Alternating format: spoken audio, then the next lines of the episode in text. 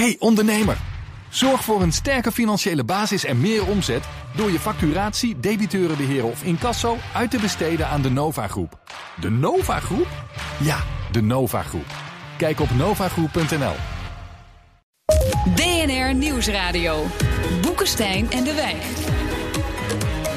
Hugo Reitsma.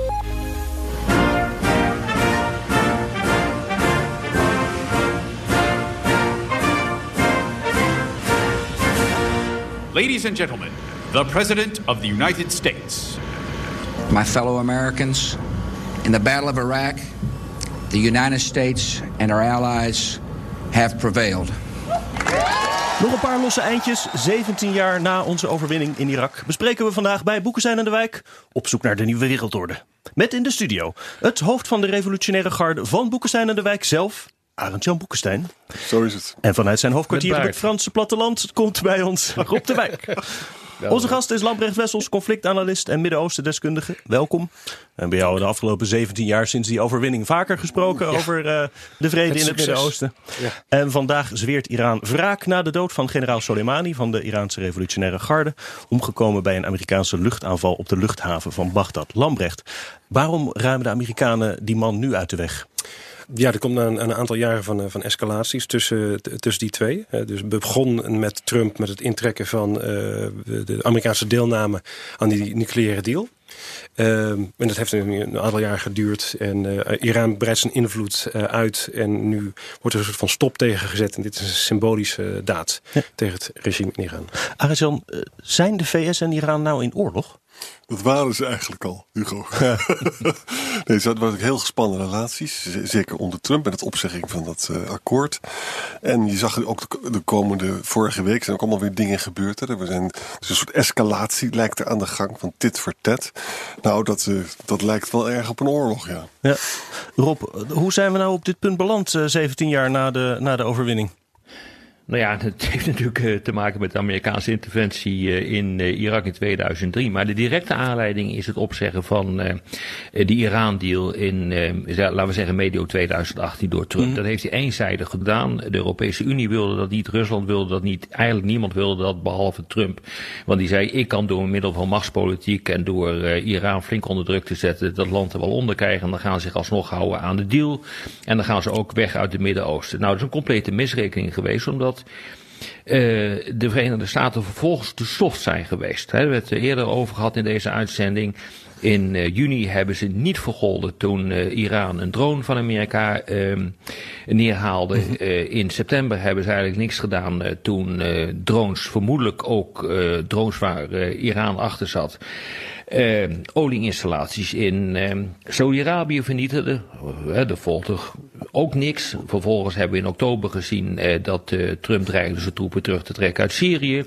En hij gaf toen, stak toen een dolk in de rug van, van de Syriërs. Met andere woorden, Trump heeft die constant uh, de boodschap uitgedragen. Ik wil deze oorlog niet. Ik wil niet in uitzichtloze oorlogen betrokken raken. Wat op zich prima is. Um, en uh, ik wil zo snel mogelijk uit het Midden-Oosten. Nou, de aanslagen die op 27 december hebben plaatsgevonden. 30 raketten zijn er afgevuurd op een Iraakse basis uh, bij Kirkuk. daar kwam een Amerikaan bij om het leven. dat moest echt ook de Amerikanen een handje helpen om het land te verlaten. En dat is denk ik een totale misrekening geworden. Want ja. nu zit Trump eigenlijk met een probleem waar Obama ook mee zat, en eigenlijk alle voorgangers. Je zit in Irak en je kunt er niet makkelijk uit komen. En dat moet je niet in ieder geval doen op de, Trump, de manier waarop Trump dat op dit ogenblik doet. Ja. Even naar de situatie hier en nu. We spreken elkaar overigens vrijdagmiddag vandaag. Uh, Lambrecht, deze Soleimani die uh, er nu is geweest. Uh, hoe belangrijk is hij voor Iran? Wat verliezen ze hiermee? Hij was erg populair en heel belangrijk uh, voor de, de grotere invloed van Iran in Syrië en Irak onder andere. Dus dit is wel een, een, een, een, een tactisch, strategisch uh, groot denker onderdeel van het, uh, van het Iraanse leger. Dus hij is zeker een soort van frontfiguur, een soort van herkenbare leider die ze daarmee weghalen. De belangen blijven, blijven hetzelfde.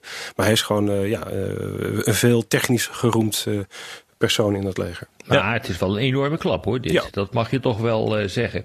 He, want uh, nog niet zo lang geleden zijn er via die Intercept, dat is een website, uh, geheime documenten naar de New York Times uitgelegd. De Iron Cables.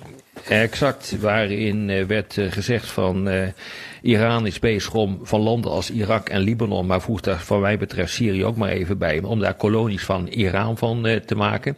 De grote architect hiervan en degene die het ook heeft uitgevoerd, dat was uh, Soleimani. Ja. met andere woorden, deze man is wel heel erg belangrijk en als je zo wint verliest, dat, dat ga je ook niet snel vervangen hoor. Want dit is een man met zulke diepe persoonlijke contacten met al die leiders in de regio, dat, dat bouw je niet laten we zeggen, op een achternamiddag op. Die iron cables waren waanzinnig interessant. Hè? Dat ging al vanaf 2004, 2005. En dan zag je dus dat Soleimani op een virtuoze manier alle zogenaamde Amerikaanse vrienden in Irak eh, weer los wist kopen en zo. Dus Amerika heeft daar ontzettende hoge prijs voor betaald. Wat ik interessant vond, ik, ik, las hier van uh, bij de New York Times. Amerika heeft uh, meerdere mogelijkheden gehad om Soleimani uit te schakelen. En Obama heeft dat nooit gedaan, omdat hij bang was natuurlijk voor een escalatie. Nu is het wel gebeurd. Hè? En eigenlijk is het raar, want Trump is iemand die zijn troepen weg wil halen. Ja. En vroeger hebben we dit programma ook wel eens gezegd van... Uh, nou, zolang Mattis er nog zit, dan is er een soort matigende invloed op... Uh, uh, op Trump. Nu is het zo, hij zat kennelijk met het, alleen maar met het Pentagon aan tafel of met anderen. En die hebben gezegd van nou, je, nu mag je wel Soleimani uh, elimineren. Met als groot probleem natuurlijk van hier, Iran moet hierop reageren. Dat kan toch niet anders? Mm -hmm. En ze hebben ontzettend veel mogelijkheden. En waar mensen natuurlijk bang voor zijn. En wordt Israël natuurlijk altijd genoemd. Als je met een drone uh, Saoedische olieinstallaties kan aanvallen, dan kan je in Israël nog veel enger doen. Ja. Lamrecht? Nee, dat is uh, zeker mogelijk. Hè. Dus, uh, ja, denk, wat gaan ze als, als reactie doen? Dat is een beetje lastig, want het kan dat militair op, op, allemaal, uh, ja, op allemaal plekken. Um, ik zou in ieder geval natuurlijk wel sterk pleiten voor, voor een soort van de-escalatie. Want um, ja, het is in ieder geval de afgelopen twee decennia nog langer niet gelukt om militair de boel op orde te krijgen. Dus ik denk mm -hmm. dat dit uh, in die zin een heilloze weg is. Um, en dit ook geen verstandig besluit was. In die zin denk ik wel dat het heel verstandig is om te proberen Iraanse invloed in de regio heel erg omlaag te brengen. maar ik denk dat dit niet de, niet de methode is. Jullie zeggen dus, misschien een hele simpele vraag, maar jullie zeggen dus het doel was tegengaan van de Iraanse invloed, maar het was onverstandig. Trump had dit niet moeten doen? Nou ja, kijk, nee. dat is verstandig. A, omdat je dus een vreselijke escalatie kan krijgen en niemand is gebaat, beide partijen, dat, dat je eindeloos elkaar afslacht, toch? Ik bedoel, nee. je wil liever een overwinning behalen tegen een lagere prijs. Maar zijn gang laten gaan in de regio is toch ook niet uh, fijn? Nee, maar de vraag is hoe moet je dat dan aanpakken? Hè? Dus uh, als je het had over proportionele respons, had je bijvoorbeeld die Mohandis, hè, dus die ja. hoofd van die uh, Kaitab ja. uh, Hezbollah was het. Um, mm. die, uh, dat was een, een, een logischer doel. Hè. Dat was ook al een escalatie geweest. Uh, dat had je misschien anders kunnen, kunnen aanpakken. Ik denk dat het militair heel erg lastig is om... dat is ook om... gebeurd op 29 december. Ja. Toen hebben ze Kaitab Hezbollah aangepakt. Precies, en dat, ja. is, dat is de groep die achter die aanslagen ja. zat met die 30 Kijk raketten ook, op 27 december. Precies. Wat eigenlijk de, de directe aanleiding is voor deze hele affaire. Ja. Nog even toevoegend, hè, er is dus heel veel protest vanuit de Shiiten nu ook uh, tegen de corrupte, te veel naar Iran hangende regering. Ja. Dus er is ook wel een splitsing binnen de Shiiten. Ja. Bijna 60% van de bevolking die traditioneel altijd uitgesloten was van de macht. Um, en daar heb je ook wel groepen die dus heel erg juist protesteren tegen die regering en tegen de invloed van Iran. Dus, die, dus die protesten komen heel duidelijk van, van onderop, ook tegen de huidige regering. Dus dat is de lokale achtergrond op dit moment ook uh, in Irak voor die... Eens, maar, eens, maar dat maakt maakt ze nog niet direct pro-Amerika. Zeker niet. Dat is, dat is wel even uh, belangrijk om uh, je te realiseren. En uh, ja, gaat dit escaleren? Kijk, je, je moet altijd in dit soort situaties je proberen te verplaatsen in de schoenen van de ander. En dat is in dit geval Iran. Wat heeft Iran nou eigenlijk nog voor opties? Wat heeft hij nog voor mogelijkheden om hier uit te komen? Dat is niet veel hoor. Ja. ze worden keihard onder druk gezet door Amerika. Die heeft die Iran-deal, heeft die uh, heeft, heeft hij opgezegd. Uh, vervolgens, uh, de Europese Unie is redelijk wankelmoedig. die gaat toch wel een klein, klein, beetje half mee met Amerika, omdat ze hun eigen handelsbelangen met Amerika vrezen. Ze worden bedreigd met sancties. Rusland idem dito, hoewel het nog steeds een goede bondgenoot is. Dus Iran heeft gewoon niet zoveel opties. Het enige wat ze kunnen doen, en dat hebben we eerlijk gezegd, hebben we dat een aantal malen ook besproken in dit programma, is gewoon militaire macht toepassen. Gewoon oorlog gaan voeren. En gewoon ervoor zorgen dat Amerika en Trump zeker in het verkiezingsjaar onder druk wordt eh, gezet. En, daarbij, en dat is nu precies wat er gebeurt. En daarbij op aansluitend ook de gebeurtenissen die, die, die sterke die hypothese. Muqtada al-Sadr, waar ik het over had, die is de, laat de Amerikanen nu los. Die heeft dat beroemde Mahdi-leger. Dat is zo groot. Er zijn 5000 Amerikaanse soldaten. Die zijn te klein om dat, om dat aan. Dus met andere woorden, op de grond is de situatie aan het verslechteren voor de Amerikanen. En eigenlijk is het zo heel cynisch dat deze aanval van de Amerikanen eigenlijk contraproductief uitpakt. Voor de, voor de invloed van Amerika op de grond in Irak. Dat zou kunnen, hè, Arend Jan, dat weten we nog niet zeker. Maar die kans is vrij groot dat dat gaat gebeuren. Ja. Behalve, ja, en misschien laat eh, Trump zich in het verkiezingsjaar toch wel weer verleiden tot een, uh, tot een grote oorlog in dat uh, gebied. Dat zal hij ten koste van alles willen vermijden. Ja. Maar als, hij, maar, maar als hij dat gaat doen, en als hij dus zegt van ik, ik doe dat niet, dan feitelijk capituleert hij in de ogen uh, van Iran en een aantal andere partijen in, dat, uh, in dat gebied. En voor een supermacht als Amerika is dat denk ik ondenkbaar dat dat gaat gebeuren. Dat kan niet. Ja. Dus, dus, uh, dus Trump die moet een afweging maken tussen een ogenschijnlijke capitulatie en, en niet reageren. Uh, en, uh, zijn, uh, en zijn eigen politieke positie in dat gebied en in eigen land. Nou, hartelijk gefeliciteerd. Maar goed, ik bedoel, dat had hij van tevoren ook kunnen bedenken toen hij in al zijn wijsheid besloot om de slechtste deal ooit, namelijk de Iran-deal, af te schaffen. BNR Nieuwsradio. Boekenstein en de Wijk. Op zoek naar de nieuwe wereldorde. Dit is Boekenstein en de Wijk. En dat programma is natuurlijk niet zonder Arjan Boekenstein en Rob de Wijk. Mijn naam is Hugo Reitsma en onze gast is Lambrecht Wessels, conflictanalist en lievelingsgast van Boekenstein en de Wijk. Als het Midden-Oosten weer eens in brand staat. Lambrecht. Zullen we nog eens eventjes verschrikkelijke gevolgen van uh, wat er vandaag is gebeurd doorpluizen? Want waar kan dit allemaal toe leiden als de wraak volgt? Waar, waar het al is gebeurd, Jemen, uh, de golf, hè, de, de, de, in, in, uh, ja, gewoon de oliegolf, de staat van de moes en zo aanvallen natuurlijk in, in, in Syrië en verder in Irak. Dat ligt meest voor de hand. Dan heb je nog heel gevaarlijk potentieel van escalatie Hezbollah-Israël. Hm. en dan kun je nog daarbuiten denken. Maar ik denk dat het eerst in de regio meer voor de hand ligt. En Syrië dus ook? Dan denk ik ook aan IS. kan het daar nog gevolgen voor hebben? Nou, de, het regime heeft met, met Rusland... aan de ene kant staat de, de VS met de Koerden. naar het noordoosten. En aan de andere kant heb je Rusland, Iran en het regime. Dus daar, daar is het mhm. eigenlijk redelijk rustig altijd geweest. Omdat anderhalf jaar geleden de Amerikanen 200 Russen, Russische huurlingen hebben omgebracht. Oh En toen werd het stil. In, uh, dus er was een soort van gentleman's agreement feitelijk om daar niet aan te vallen. Maar ja, als, als Rusland dat toestaat zou ook daar kunnen worden aangevallen. Maar ik denk dat dat niet de eerste plek zou zijn. In ieder geval zal Poetin die baalt ervan dat hij eh, geen eh, onderdeel hiervan is. En eigenlijk alleen maar de prijs betaalt. Dus die zal wel proberen om mensen aan, aan oproepen tot vrede. Weet je wat, dat doet hij dan. Ja. En een soort congres te leiden. En dat zullen overigens de Fransen en de Boris Johnson ook wel willen. Why not? Maar, maar gaat Trump luisteren? Hmm. Luistert hij überhaupt? dat gaat hij waarschijnlijk niet doen. Maar nee, ik denk dat je, dat je echt eerst door een escalatie heen moet... voordat het echt vrede kan gaan worden. En er moet een situatie ontstaan waarin beide partijen zien dat dit verder niet meer kan en dat ze zonder klierscheuren hier verder uit eh, kunnen komen. Nou, wat gaat dat betekenen? Bijvoorbeeld uh, aanvallen op Amerikaanse oorlogsschepen, op tankers. de tankeroorlog hebben we een aantal jaren geleden gezien. Die zal waarschijnlijk uh, weer, uh, weer gaan oplaaien.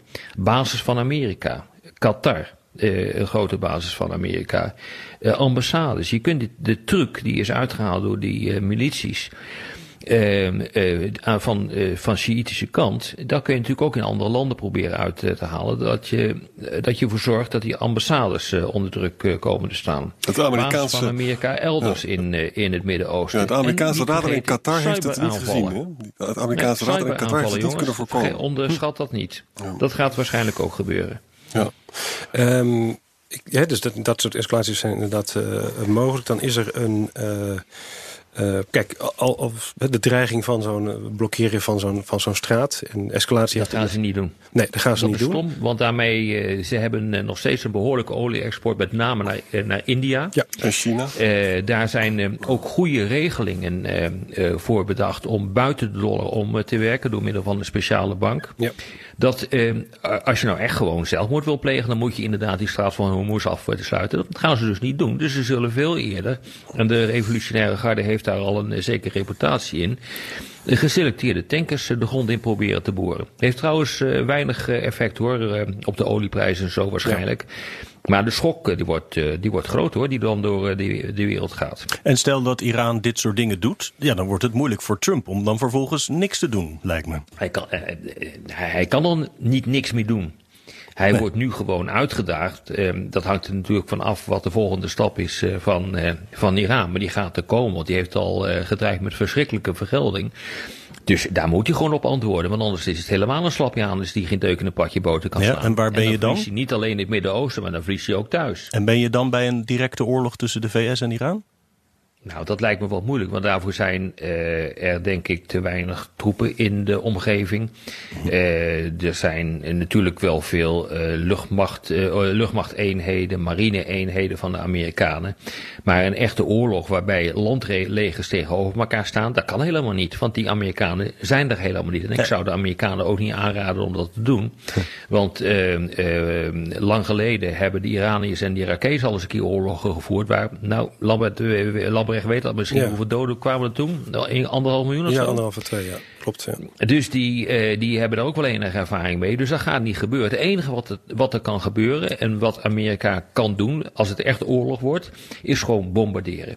Eh, bombarderen van militaire installaties, commandoposten. Dat is eigenlijk het enige wat je kunt, eh, kunt doen. Je gaat geen steden bombarderen, want dat is gewoon genocide, dus dat, dat doe je niet. En dan krijg je dus gewoon eigenlijk de, de normale doelen die je altijd ziet tijdens dit conflicten. Hè, eh, militaire doelen, met name commandocentrales, waardoor je eigenlijk de grip over je eigen eh, militaire apparaat eh, verliest. De vraag is dan eigenlijk, hè, omdat eh, dat, eh, Trump zelf en ook dus zijn systeem blijkbaar, ik denk dat het breder is dan Trump, eh, gedwongen is, of in ieder geval het besluit heeft genomen om dit te doen. Dus de vraag hoe, hè, hoe, hoe met gezichtsbehoud het liefst natuurlijk, want dat moet je een beetje tactisch spelen, hoe breng je dat dan terug? Hè? En dan zie je gelukkig dat Frankrijk en Engeland eh, direct zich voor meer kanten, naast Poetin, hebben uitgeroepen van, ja, we moeten dit, eh, dit de-escaleren. Hij wil zelf natuurlijk herkozen worden. Nou, dan is zo'n oorlog echt gaat compleet in tegen zijn, zijn eigen belang daarvoor. Ja. Dus we moeten een soort, soort uitweg vinden.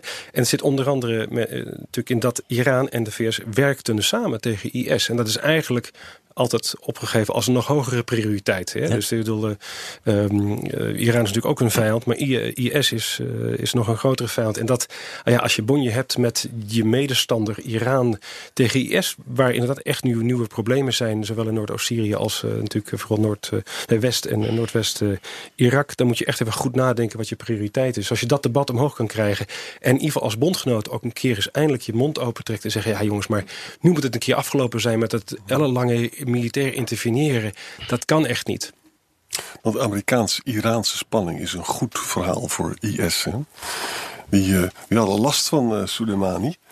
En nu is het zo dat Amerika en Iran heel veel energie in elkaar gaan steken. Het is ook zo dat de, eh, de, de Soenieten in, eh, in Irak überhaupt eh, gedesavoueerd worden door Ja. het Shiïtische regime. Dus, de alle, de, dus IS gaat gewoon weer groot worden. Ja, dat en- wisten we al, maar dan wordt hij versneld. Ja, dat wordt versneld. En wat belangrijk is, denk ik, langer termijn. Me- Mede waarom IS is ontstaan, is, is de uitsluiting van de, de Soeni-moslims, 20% van de bevolking, van de politieke macht en de olieomzet. Hè, Eigenlijk beginnende vanaf 2003.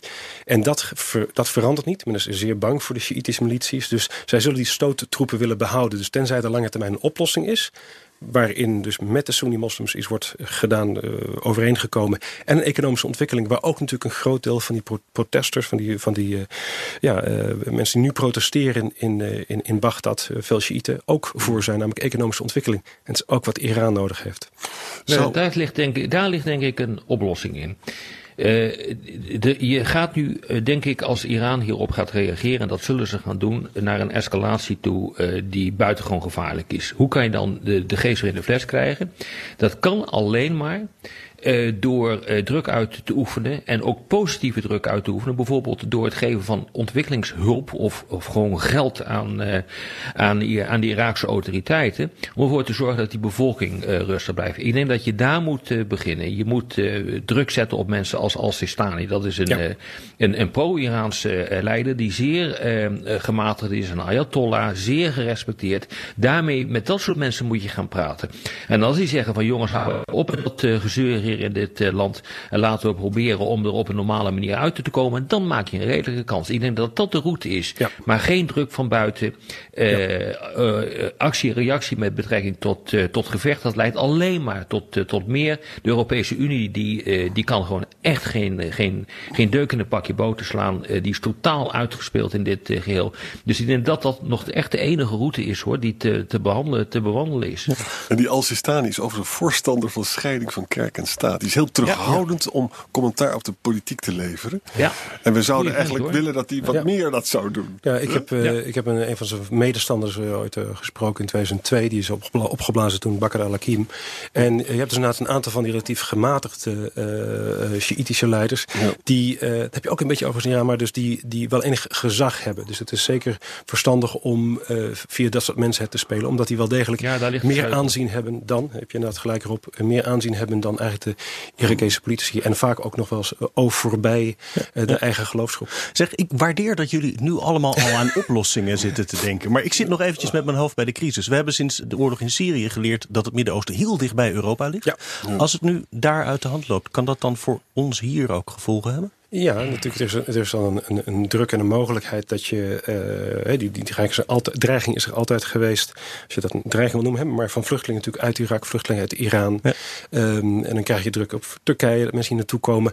Als je, wat ik niet verwacht, maar als er spanningen oplopen in Libanon. Libanon heeft al minimaal anderhalf miljoen Syrische vluchtelingen. Daar is nu ook al een soort nieuwe revolutie uh, langzaam gaande. Willen, willen wij een half miljoen Libanezen hebben, willen wij weer uh, over termijn een half miljoen Irakezen hebben, et cetera. Dus het is ook ons eigen belang om te denken van... wij, wij kunnen niet meer op deze weg verder. Het was een fout toen. En nu moeten we zeker aan de bel trekken... want de Amerikanen gaan dat niet zelf doen. Ja. Ja. Wij pleiten hier dus voor uh, de-escalatie. En gelukkig stuurt Nederland net een schip naar die regio. Uh, kan dat nog bijdragen aan een oplossing voor de situatie? Ik vind nee. het zo grappig als, als, over, als het over het schip gaat. Dan is het enige aandacht in de Nederlandse pers is van... kunnen we het nog terughalen? Het is, het is al niet eens vertrokken, weet je wel. Er zijn ook lekkere helden hoor in Nederland. Mijn god zeg. we, hebben echt, we hebben echt politici met ballen hoor. Dat is wel weer te zien. Ja, het is maar, echt ongelooflijk. Moet Nederland niet nog eventjes kijken naar, weet ik veel, de voorwaarden of wat ze, wat ze voor ja. guns op dat schip nee, neerzetten dit, voor je naar een heel andere situatie vaart? Het was gewoon ja, maar jongens, dit wist je toch gewoon. Tankers. Dit was toch precies de bedoeling uh, van, uh, om, om als dit zou gaan gebeuren, om dan uh, de scheepvaart, de tankers te gaan beschermen. Okay, ik bedoel, nu dit ook daadwerkelijk gebeurt. En het gebeurt niet onder Amerikaanse leiding, maar het gebeurt onder Franse leiding. Ja, dan moet je ook doorzetten. Want juist om precies hierom uh, uh, ga je er naartoe. Nou, maar dat we moeten ons uh, echt op de-escalatie inzetten en lange termijn economische ontwikkelingen van het gebied. Ja, dat ben ik met je eens. En daar speelt de Europese Unie een belangrijke rol in. Amerikanen gaan dat niet doen, maar de EU kan dat wel. En Iran, die van die, die landen Irak, Syrië en Libanon zo'n fijne kolonie hebben gemaakt, mm -hmm. die kan het ook niet betalen. Nee. Want die zitten zelf tot de nek in de schulden en de mensen gaan daar de straat op omdat ze niet te eten hebben. Met andere woorden, de, de Europese Unie, en dat is, dat is mijn voorspelling al een hele tijd, die kan als dit echt gaat deescaleren, de hele boel overpakken. Rusland kan het ook niet overpakken, want die hebben ook geen geld. Die hebben de economie van de omvang van de Benelux, minder dan Italië. Die gaan het ook niet doen. Met andere woorden, wat je zult gaan zien is dat de Europese Unie de boel economisch gaat overpakken. En wat ze gaan doen is naar in de richting van Amerika uh, gaan ze eigenlijk komen tot een loskoppeling van het uh, beleid. Door bijvoorbeeld de euro steeds verder in te zetten als de grote reservemunt van de wereld. Waardoor de, de, de dollar wordt ondermijnd. Het machtsinstrument van de Amerikanen. Europese defensie wordt versterkt. Dat soort dingen ga je allemaal krijgen als dit doorrommelt constructief vind ik dit allemaal. Mooi begin van het nieuwe jaar. We kijken bij de luisteraarsvragen nog even of we kunnen komen tot de derde wereldoorlog. Maar voor de radio zijn we door de tijd. Op de podcast gaan we nog even door. Luistert u op de radio, dan verwijs ik naar iTunes, Spotify of bnr.nl. Speaking of, waar we het met de kerst over hadden, vraagt uh, Thijs van Welij. Is dit de aftrap van die nieuwe systeemordening die eraan komt? Ja, dit is wel een uh, onderdeel van die nieuwe systeemordening, waarbij uh, Amerika uh, zegt van ik kan het alleen. Het is een uitvloeisel van Amerika die in het, in het nauw komt te staan, eigenlijk door de opkomst van China. naastig op zoek is naar een poging om zijn hegemoniale macht te behouden, uh, gekozen heeft voor America First. En een, een soort alleingang in de internationale betrekkingen. En daarom ook heeft gezegd van uh, we, we zetten die Iran-deal uh, aan de kant. Ja, dan krijg je dus dit soort dingen. En ik bedoel, is wel tamelijk klassiek hoor, wat hier gebeurt. En ook wel redelijk volgens het boekje. Namelijk volgens het boekje hoe het niet moet doen. Ja. ja. Ja. Art Warning die vraagt: hadden de VS eerder maatregelen moeten nemen tegen Iran? Dat is eigenlijk wat jij zegt, uh, toch, Rob? Nou ja, kijk, ze hadden A, die Iran-deal niet moeten op, uh, op, uh, opzeggen. En uh, dat niet enorm hadden moeten verbreden tot het proberen Iraans invloed in het hele Midden-Oosten tot staan te brengen. Ik bedoel, dat is een veel te grote doelstelling die je gewoon niet waar kunt maken in dat. In dat gebied. En daarna is het natuurlijk, omdat ze militair niet gereageerd hebben op die droneaanval of op die, het, het uit de lucht halen van de drone. En nou ja, goed, we hebben het al eerder genoemd. Ja, zie je dus dat er een situatie is ontstaan dat Iran eigenlijk gewoon zijn ruimte heeft gepakt in het Midden-Oosten ten koste van Amerika. Nou, nou zit je met de gebakken peren. Ja. En dat is ook allemaal voorspeld. Ja, dus ja is allemaal voorspeld dit. Van, ja. Uh, ja. heel simpel, als je dat weghaalt, dan komen de Shiiten aan de macht in, ja. in Irak. Ja. Uh, dus dat, dat, dat gaat inderdaad op deze manier. Ja, dit, uh, dit krijg je als je een, een makelaar de wereld laat regelen. ja. Ja, nou ja, zo is het helaas wel, ja. ja. En daarom is het ook echt van ontzettend belang, belang, dat Europa zelf iets verzint. Al is het maar losse stemmen van grote bondgenoten zoals Frankrijk en Engeland. Ja. Uh, Henk vraagt: Zal het gevolg van deze actie niet zijn dat de 5000 Amerikaanse militairen Irak zullen verlaten? En wordt daarmee het tegenovergestelde bereikt van wat de bedoeling was? Lambert? Ja, er wordt dus gezegd uh, de, uh, dat uh, of via verkiezingen bepaalde partijen de macht komen. Hè, van laten we de Amerikanen mm. er nu uitgooien. Het is ja. eigenlijk in, niet in beide belang, lange termijn, gewoon voor de stabilisering van dat land en economische ontwikkeling. En dus die, dat IS-gevecht. Maar het is inderdaad, nu is het het woord op de straat en, en de politiek is van nou, we moeten echt erover gaan denken om de Amerikanen eruit te, te knikkeren. maar volgens mij is dat geen goed idee. Ik was niet voor die interventie, maar ik denk dat het, dit geen verstandig plan zou zijn. Plus het punt dat Trump is natuurlijk een jongen die de want to bring the boys home. Hè? Ja, ja en, lange termijn wel. En nu ja. zijn natuurlijk allemaal, er komt het tit voor tat waarschijnlijk nu. En dan gaat het Pentagon zeggen, ja, we kunnen er niet weg. En dan, wie gaat dat winnen? Waarschijnlijk is Trump koppig genoeg om dan ook nog echt helemaal weg te gaan. Hè? Ja, tenzij je een, maar dat is echt speculatie, uh, zegt van nou, we hebben nog steeds een gezamenlijk doel met IS. En dat gaan we dan van, bedienen vanuit andere plekken. Maar dat is natuurlijk een stuk lastiger uh, om dat op die manier uh, te doen. Vanuit Noordoost-Syrië, vanuit Turkije, vanuit andere plekken. Ja. Ja. Marco Bezoudebi vraagt: Was deze aanslag een impeachment-afleiding? Dat denk ik niet. nee, ik ook niet. Dat wordt het veel geschreven. Maar die, die, uh, als dit niet gebeurd zou zijn, dan uh, hij ligt gewoon op koers om herkozen te worden. Ja. Nee, maar het kan inderdaad wel leiden dat, tot het feit dat hij niet herkozen ja, wordt. Precies. Uh, dat zou dus in die zin, is het een soort impeachment via een omweg. Ja. ja. Ja, hij heeft zichzelf hier maar schade aangedaan dat de Democraten ja. is gelukt in de afgelopen ja. maanden met dat ja, impeachment verhaal. Ja. Ja. ja. Eventjes verder. Leuke vragen vandaag. Uh, Evert van Kuik die vraagt, ik denk dat dit een vraag voor jou is, Lambrecht. Uh, wat zijn de ideale scenario's om het van het Midden-Oosten een vreedzaam paradijs te maken? Um, nou, beginnen met niet uh, te interveneren. We gaan eens kijken van, hè, wat, er is een enorme behoefte aan uh, politieke medezeggenschap. Overal. Dat zie je nu in, in Irak gebeuren, in Iran en Libanon. Hè, waar mensen echt de straat op gaan. We moeten echt iets nieuws verzinnen. Help daarmee mee. Daar hoort een militair geweld uh, niet bij. Er is een enorme behoefte aan economische ontwikkeling. Uh, dus uh, Noord-Syrië, Mosul, Noord-Irak. dat gewoon moet allemaal herbouwd worden. en dat kan ook allemaal, maar dan moet het wel relatief rustig zijn. En dan hou je ook een, een deel van de voedingsbodems weg van een aantal van die groeperingen. En dan is het ook we moeten iets minder ambitieus zijn. Het zou geweldig zijn als er uh, leukere mensen aan de macht zouden zijn in deze hoofdsteden. Maar dat moet toch van, van onderop uh, dan lange termijn komen. En dat is, is, ontzettend lastig. Ik heb ook niet een 1, 2, 3 oplossing of nee, scenario u daarvoor. kan hier een belangrijke rol ja. in spelen, Lambrecht. Ja. Uh, die heeft hier denk ik gewoon de beste kaart uiteindelijk in, in handen. Omdat die gewoon geld hebben. Ja, precies. En dat hebben de Iraniërs niet, dat hebben de Russen niet. En de Amerikanen willen het er niet aan uitgeven. En we hebben het zeker. Met andere woorden, wij kunnen dat wel als, als Europa. Ik heb natuurlijk veel ontwikkelingswerk gedaan de afgelopen vijf jaar aan de grens. Hè. Dus vanuit vanuit Beirut en vanuit Noord-Irak en vanuit, vooral vanuit Zuid-Turkije. En dat zijn uh, behoorlijke bedragen, maar staat in geen vergelijking totdat we, uh, tot het geld dat we uh, echt bijna reflexief direct aan, aan vluchtelingen en migranten hier uitgeven. Ja. Dus niet, niet een of het ander, maar dat zijn, die bedragen verschillen zo enorm. He, dus er waren die 47.000 in 2015. Dat is 1081 miljoen euro. Nou, dat, is, dat, is, dat staat in geen vergelijking tot de tussen de 80 en 160 miljoen die we misschien lokaal als Nederland uitgeven in zo'n jaar. Nog minder dan dat.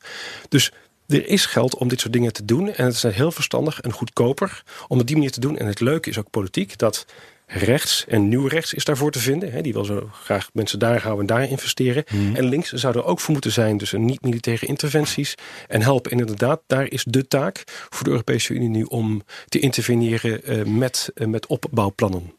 Ja, maar dan moet je ook een beetje opportunistisch zijn. Ja. Hè? Dan uh, moet je dus ophouden met alleen maar te praten over mensenrechten. Ja. En alleen ja. maar te praten met uh, leiders waarvan je denkt dat ze hun land tot een soort Denemarken kunnen om, uh, ombouwen. Dan zul je moeten gaan praten met, met de leider van, van, van Syrië, met, met Assad. Dan heb je gewoon geen keus. Dan moet je dus echt gewoon met hulp, met geld, machtspolitiek gaan bedrijven. Ja. Daar zijn we helaas niet zo goed in. Nee, en, en dat is net een, met, met Assad een probleem. Hè, want er zijn heel erg morele moralistisch en dat is terecht. Maar soms ja. kun je niet zomaar van dictator afkomen. En heb, we hebben alleen maar B-oplossingen. Er zijn hmm. geen goede, moreel fantastische oplossingen liggen voorhanden. Dat hebben we al lang verspeeld. Die, die opties daarop. Uh, en nu moeten we inderdaad uh, met mensen die... Uh, en, en Assad heeft dat ook nodig. Hè. Het is een echt een puinhoop in zijn gebied militair. En gewoon de onrust miljarden heeft hij nodig. Je heeft miljarden nodig. Nou, China wacht nog even voordat ze dat geld investeren. En niemand anders heeft het. Speaking of China, Calculo Ergosum die vraagt... is een reactie van Rusland of China te voorspellen? Azië is toch groot verbruiker van olie uit die regio? China roept altijd op tot, uh, tot kalmte en tot niet-militaire interventie. En zal uh, die olie en, die, en die, die, Ze hebben ook een, een van hun routes gaat door Noord-Irak. Dus die willen, een van hun uh, Belt and Road Initiative, ja. zijde, nieuwe zijderoute gaat door, door Noord-Irak, door Syrië en door Noord-Irak naar, naar, naar Turkije. En Iran. En Iran, inderdaad. Precies, eerst door Iran. Ja. Dus die hebben daar dan behoefte aan. Um, die zullen niet militair reageren of zo, maar die willen wel gewoon de boel zo rustig mogelijk houden. En dat is China. En, ja, en Rusland zal ook wel willen bemiddelen. Zeker. India is een interessant geval. Ja. Vertel. Omdat de, nou ja, de olie-exporten ja, naar India die zijn eerder, eerder toegenomen dan afgenomen. dat wordt oogluikend toegestaan door de Amerikanen. Die hebben een zogenaamde waiver gegeven, dus een soort goedkeuring dat dat, dat dat mag. Maar het meest interessante is dat die olie tussen, tussen India en, en Iran in, in de Indiaanse munt wordt verrekend en niet in dollars. Ja. Vandaar dus dat ze buiten dat, uh, dat sanctieregime vallen. Uh, voor uh, China is dat niet het geval. En je ziet dus dat China enorm zijn olie en zijn gas nu van andere bronnen betrekt. Onder andere van Amerika. En onder andere uit Rusland. Dus de hoeveelheid die uit uh, Iran komt is sterk verminderd door de Amerikaanse sancties. Dus uh, China wil dat het niet zo snel mogelijk tot een oplossing leidt. We sluiten af met de vraag van Boris Neff. Is deze aanslag niet bijzonder slim? Hiermee geven ze het signaal af dat niemand in het regime veilig is. Bovendien, Iran zal geen oorlog starten met de VS, want dat is zelfmoord. Ja, maar stel je nou eens voor dat het wel gaat escaleren. Hm? Dat kan toch zomaar, dit leidt toch tot escalatie? En dat lijkt me toch wel bijzonder link. Dit is, dit is erg hoog inzetten. Ja. Nou ja, tot nu toe heeft Iran wel het, uh, het initiatief in handen. En wordt uh, Trump in de hoek gedreven. Dus in die zin hebben ze het spel goed gespeeld. Hm. Ja. Lambert? Ik denk dat het. Uh, kijk, het regime staat natuurlijk thuis heel erg onder druk. Dus die hebben inderdaad ook een soort belang bij zo'n escalatie. Hè, om verder dat thuis te onderdrukken. Dus uh, ja, we moeten een, een, een mooie uitoplossing onderhandelen en, uh, en tameren. En ervoor zorgen dat het niet. Uh, ja, dus, er zal iets van een, een, een tegenbeweging komen ten, van, de, van Iran. Maar dat moeten we heel goed gaan managen. Ja. En niet, niet aan de Amerikanen overlaten. Maar het is wel een historische dag hoor. Kijk, toen Osama Bin Laden werd uitgeschakeld, was zijn organisatie al niet meer belangrijk. Hè? Nu wordt gewoon iemand die heel erg machtig is in het Midden-Oosten, een van de belangrijkste spelers, wordt gewoon uitgeschakeld. En dat betekent dus. En Iran moet dus retaliëren. Hè? Ik, vind het, ik ben er nog wel een beetje beduust van. Hoor. Nee, nee niet, uh, niet verstandig. Maar Arendt Jan, het is allemaal voorspeld. Ja. Lam, Lam, Lambrecht heeft het ook gezegd, ik ben het ook volstrekt mee eens. Het is allemaal voorspeld. Dit is wat je krijgt als je een, eh, als je een totaal incompetente leider op internationaal politiek gebied eh, aan de macht brengt en dit beleid eh, laat uitvoeren. En eh, probeert om eh, het Midden-Oosten naar zijn hand te zetten. Dat kan niet. Ik bedoel, dit is geen vastgoeddeal. Dit is internationale politiek, is echt wat anders. En het gebeurt ook in een wereld waarin dus eh, in bijna al die landen van het Midden-Oosten, met name Irak, maar ook Iran en Libanon en in Jemen, zijn mensen bijzonder kwaad met de bestaande regimes. Hè? Ja, dus, dus als je het, als je de-escaleert, denk ik dat onze beste kans is dat de lokale bevolking vragend om politieke medezeggenschap en economische ontwikkeling druk zet. En die zijn niet geholpen met dit soort acties. Daarmee was dit weer Boekestein aan de Wijk. Op weg naar een vredig Midden-Oosten, maar het wordt nog wel een beetje een lange weg. Namens Arend-Jan Boekestein en Rob de Wijk zeg ik dank voor het luisteren. Speciale dank aan Lambrecht Wessels. Tot volgende week.